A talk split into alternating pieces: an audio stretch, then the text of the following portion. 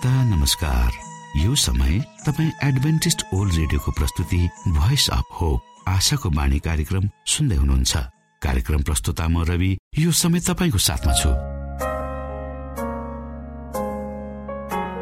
मानिस जातिमा देखाइएको परमेश्वरको प्रेम र अनुग्रह तपाईँसँग बाँड्ने उद्देश्यले प्रस्तुत कार्यक्रम तपाईँको आफ्नो प्रिय कार्यक्रम आशाको बाणीमा यहाँलाई हामी न्यानो स्वागत गर्दछौ। आशाको बाणीको आजको प्रस्तुतिबाट पनि तपाईँले परमेश्वरसँग नजिक रहेको अनुभूति गर्नुहुनेछ भनेर हामी आशा राख्दछौ। आउनु श्रोता यो मधुर भजनसँगै हामी हाम्रो मुख्य कार्यक्रमतर्फ लागौं।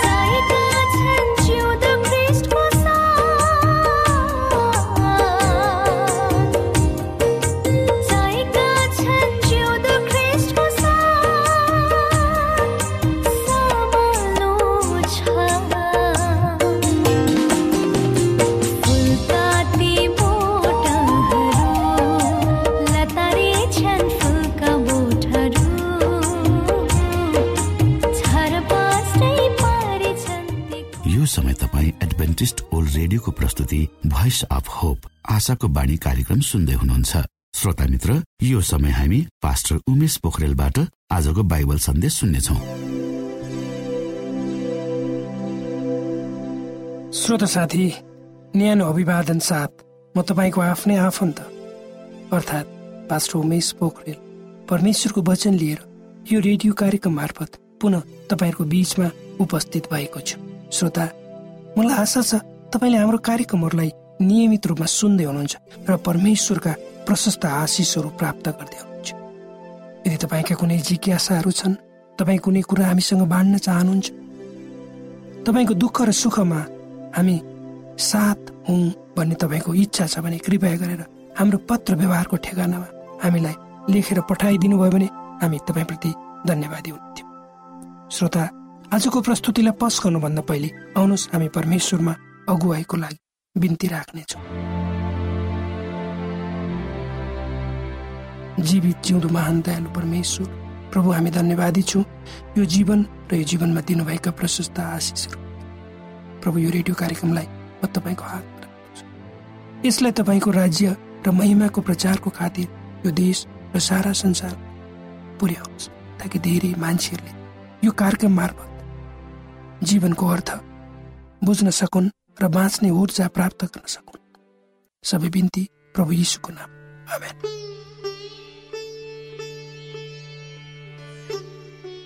श्रोत साथी एउटा जवान केटो समुद्रको किनारभन्दा तिस फिट टाढा समुद्रभित्र पौडी खेलिरहेको थियो। र ऊ अचानक करायो। र उसँगै पौडी खेल्ने अरू मानिसहरूले ऊ किन करायो भने वास्तै गरेन।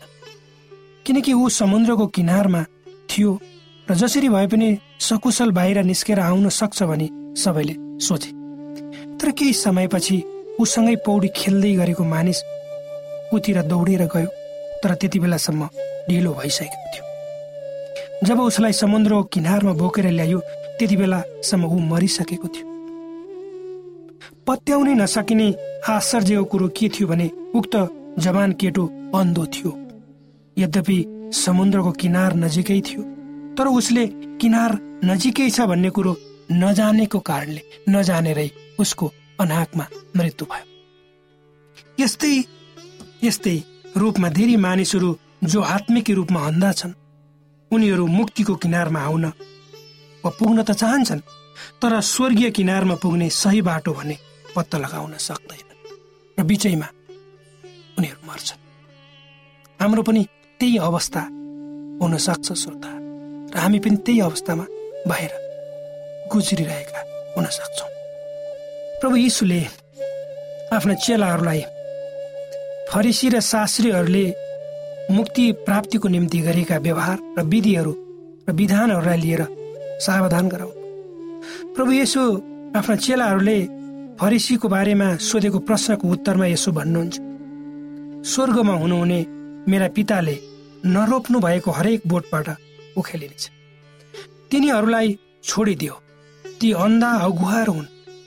अन्धाले अन्धालाई डोर्यायो भने ती दुवै खाल्डोमा पर्नेछ प्रभु यसो यहाँ भन्नुहुन्छ कि यहुदीहरू अन्धाहरूका अगुवार हुन्। यदि एउटा अन्धाले अर्को अन्धालाई बाटो डोर्याउँछ भने दुवै खाल्टोमा पर्न सक्छ। अर्थात् फरिसीहरू आत्मिक रूपमा अन्धा हुन्। तब के उनीहरूले अरूलाई कसरी आत्मिक रूपमा अगुवाई गर्न सक्छन् र यो कुरो तपाईँ हाम्रो जीवनमा पनि लागु हुन सक्छ। वा हुन्छ। यदि हामी भित्री रूपमा सडेका छौँ वा अन्धा छौँ भने हामीले हाम्रो घर परिवार र समाजलाई कसरी राम्रो बाटोतिर अगुवाई गर्न सक्छौँ?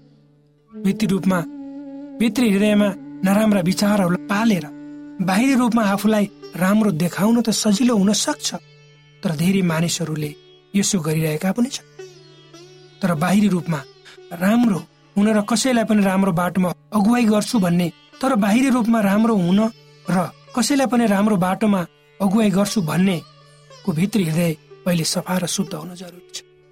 अर्थात् श्रोता मैले यहाँ भन्न खोजेको कुरा यदि तपाईँ कुनै कुरा सानो कुरा किन्न होस् त्यसलाई तपाईँ परिवर्तन गर्न चाहनुहुन्छ वा कुनै नराम्रो कुरालाई तपाईँ सुधार्न चाहनुहुन्छ तपाईँको घरमा कुनै एउटा चलन छ त्यो नराम्रो चलन छ त्यसको ठाउँमा तपाईँ नयाँ चलन स्थापित गर्न चाहनुहुन्छ।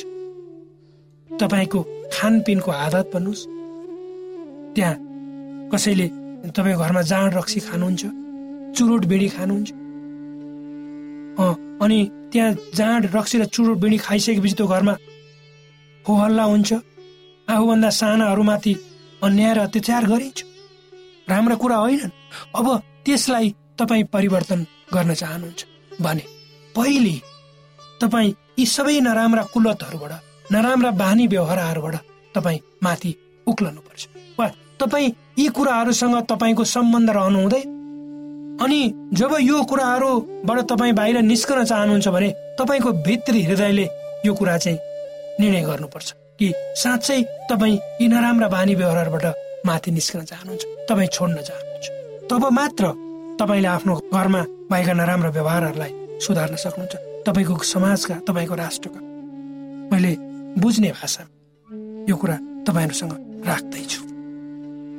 आज कयौँ मान्छेहरू चुरोट बिडी खानु हुँदैन भनेर भाषण गर्छन्। र हाम्रै परिवारका हाम्रा अग्रजहरूले भन्नुहुन्छ आफ्नो आफूभन्दा सानाहरूलाई कि चुरोट बिडी खानु हुँदैन रक्सी पिउनु हुँदैन त राम्रो कुरो। तर उहाँहरू आफै त्यो कार्य चाहिँ गरिरहनु भएको हुन्छ। त्यसकारण त्यो चाहिँ बाहिरी देखावट मात्र तर भित्री रूपमा परिवर्तित भएर त्यो गरिएको होइन।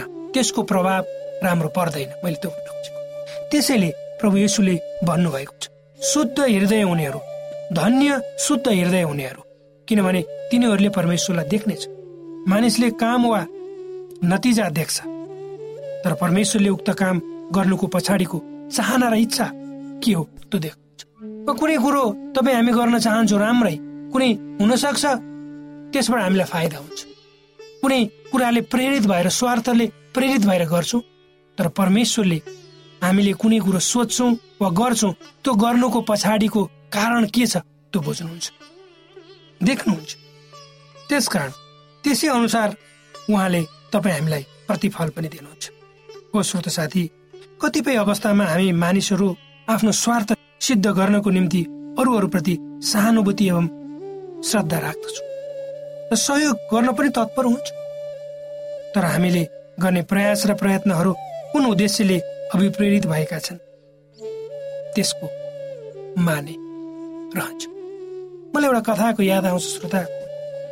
एउटा विधवा महिला हुन्छन् कुनै ठाउँमा अनि एक दिन बिहानै उनले उनको घरको बाहिर त्यो मेल बक्समा चिठी खसाउने बाकसमा एउटा चिठी उनले पाउँछिन्।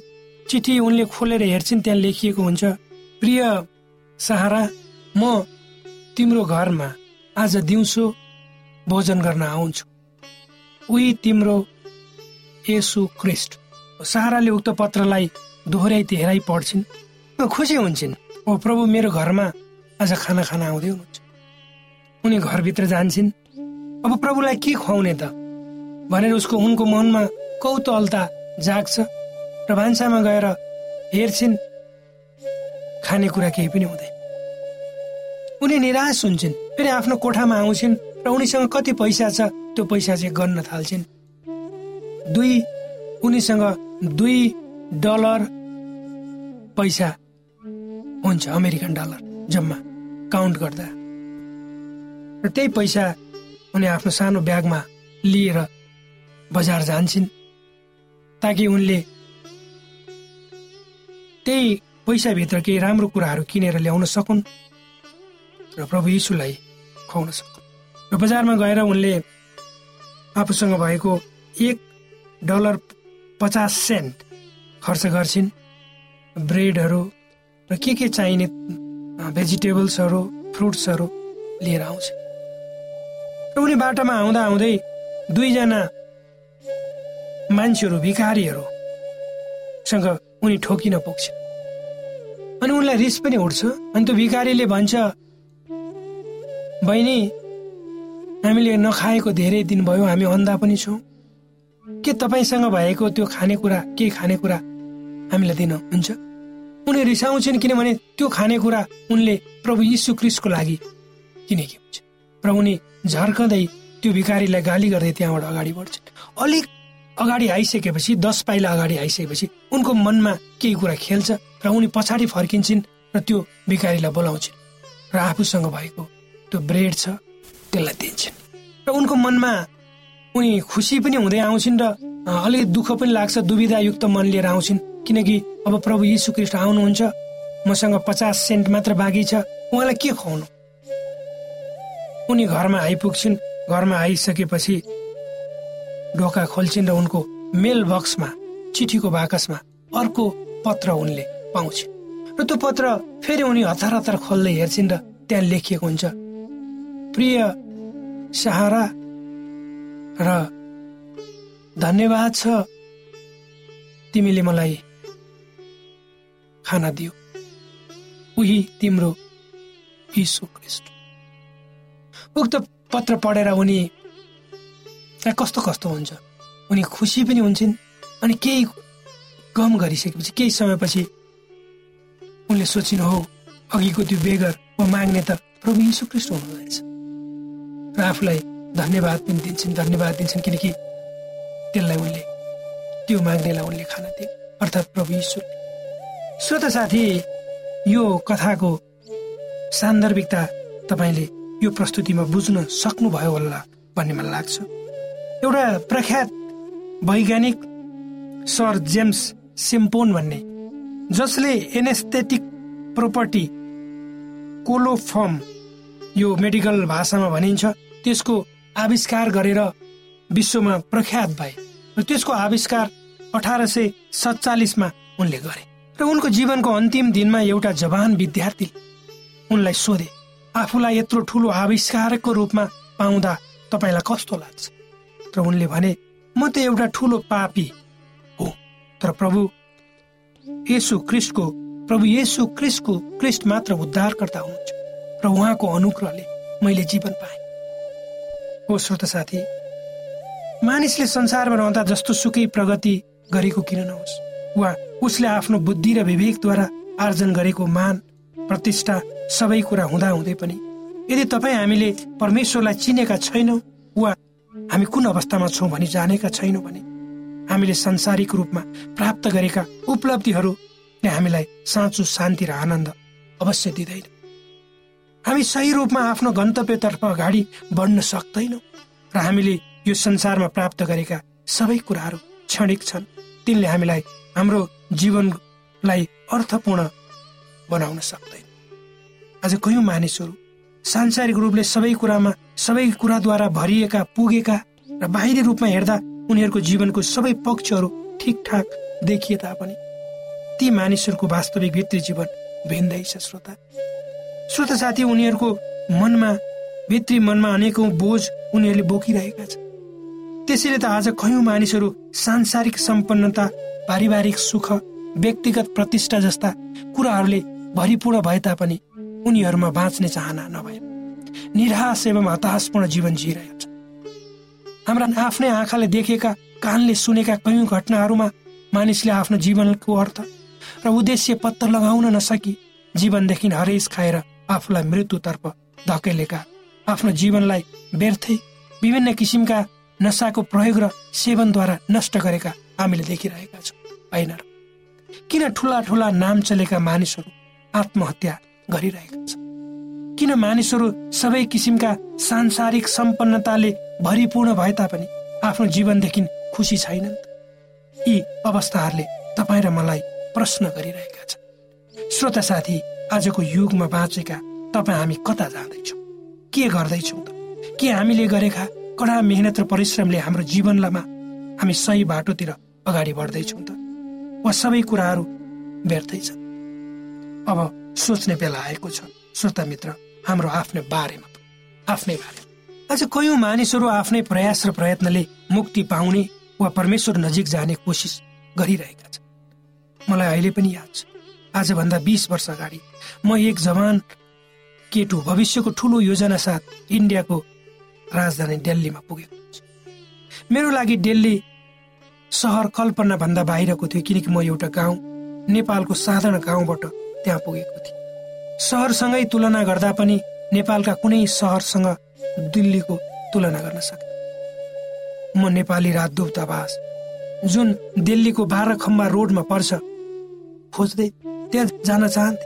एउटा ट्याक्सीलाई बोलाए र भने म नेपाली राजदूतावास चाहन्छु। उसले मलाई अर्कै बाटो लगेर घुमाउँदै फिराउँदै आधा घन्टापछि नेपाली राजदूतावासको ढोकामा ओह्रालिदिए मलाई खुसी लाग्यो किनकि मेरो आफ्नै प्रयासद्वारा त्यत्रो विशाल दिल्लीमा म हराउँथे। आफ्नो गन्तव्यमा नपुग्न सक्थे। पछि पो मलाई थाहा भयो कि मैले ट्याक्सी चढेको ठाउँ त नेपाली दूतावास भन्दा पछाडि मात्र रहेछ। हो श्रोत साथी हामी सबैको अवस्था यस्तै छ। मलाई विश्वास छ तपाईँहरू मसँग सहमत हुनुहुन्छ। कतिपय समयमा हामी हाम्रो किनारा वा गन्तव्य नजिक हुँदा हुँदै पनि थाहा पाउँदैन।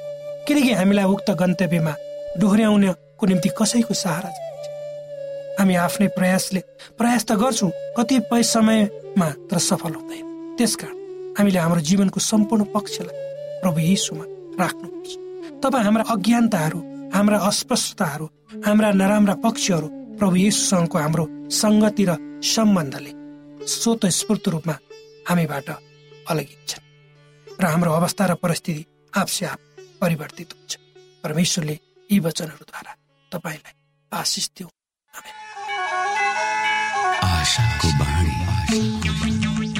श्रोता भर्खरै यहाँले पास्टर उमेश पोखरेलबाट बाइबल वचन सुन्नुभयो।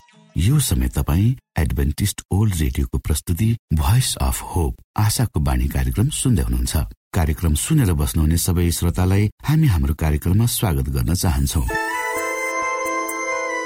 श्रोता मित्र यदि तपाईँ जीवनदेखि हरेस खानु भएको छ तपाईँका जीवनमा धेरै अनुत्तरित प्रश्नहरू छन् भने आउनुहोस् हामी तपाईँलाई परमेश्वरको ज्योतिमा डोहोऱ्याउन चाहन्छौ र तपाईँ आफ्नो जीवनका चिन्ता फिक्रीबाट निश्चिन्त हुनुहोस् र बाँच्नुको आनन्द परमेश्वरको सामिप्यमा कति मिठो हुन्छ त्यो चाख्नुहोस् भनी हामी चाहन्छौँ।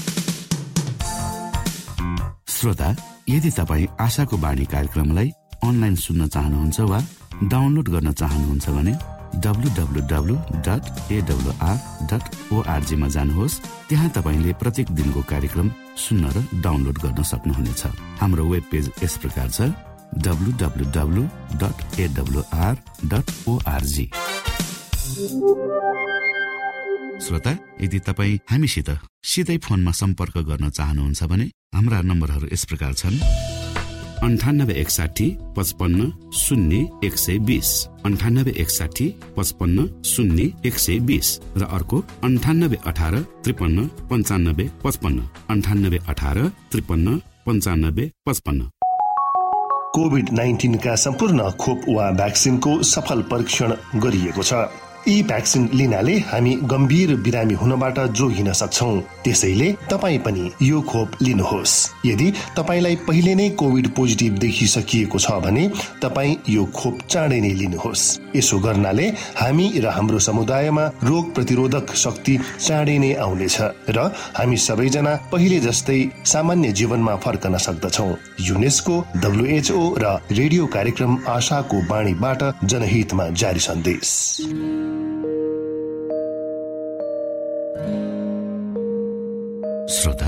तपाईँलाई आजको हाम्रो यो कार्यक्रम शिक्षाप्रद लाग्यो र तपाईँले यसबाट विशेष अगुवाई लिन सक्नु भएको छ भने हामीले आशा लिएका छौँ। हामीसँग पत्राचार गर्ने हाम्रो ठेगाना यस प्रकार छ। आशाको बाणी पोस्ट बक्स नम्बर दुई शून्य शून्य शून्य दुई काठमाडौँ नेपाल। श्रोता यदि तपाईँ हाम्रो स्टुडियोको नम्बरमा सम्पर्क गर्न चाहनुहुन्छ भने हाम्रा नम्बरहरू यस प्रकार छन्। अन्ठानब्बे एकसाठी पचपन्न शून्य एक सय बिस। अन्ठानब्बे एकसाठी पचपन्न शून्य एक सय बिस र अर्को अन्ठानब्बे अठार त्रिपन्न पन्चानब्बे पचपन्न। अन्ठानब्बे अठार त्रिपन्न पन्चानब्बे पचपन्न। हवस् त श्रोता भोलि फेरि यही स्टेशन र यही समयमा यहाँसँग भेट्ने आशा राख्दै प्राविधिक साथी राजेश आडा पास्टर उमेश पोखरेल र कार्यक्रम प्रस्तुता म रवि यहाँसँग विदा माग्दछौ। नमस्कार।